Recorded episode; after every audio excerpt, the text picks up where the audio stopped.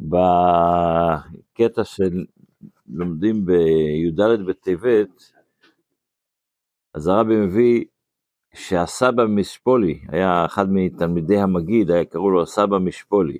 סיפור שלהם למה, אבל הוא היה איש, כן, לא קראו לו הסבא משפולי.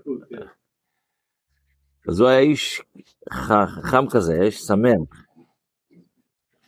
היה איש נלהב מאוד, ביתר שאת וביתר עוז, על כל, בין כל התלמידי המגיד ממזריץ', הוא היה השמח, מה שנקרא.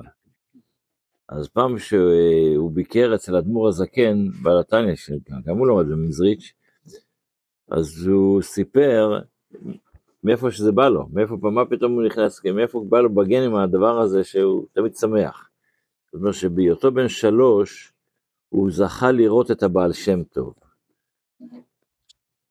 והבעל שם טוב הניח את שני הידיים שלו על הראש, על הלב שלו.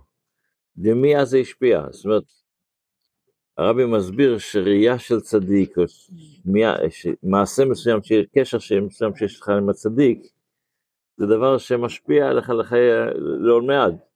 הגמרא מספרת גם כן שהיה פעם טענה, שאלו אותו, מאיפה קיבלת את כל הגדולה שלך בתורה? אז הוא אמר לו, מזה שראיתי פעם אחת את האחור של רבי יוסי, מזה יש לי את כל הכוח הזה להבין בתורה ולהתאמץ בתורה. בני צדיק, איך אמר יעקב בפרשת השבוע, ראות פניך כי ראות פני אלוקים לא פיללתי. כשאתה אוהב צדיק, זה קשור לצדיק, אז אין שאלה שיש לזה עוצמה אדירה, וזה מה שרבי כותב היום, אה, כותב ביום יום לי"ד בטבת. בשיעור, בשיעור ה...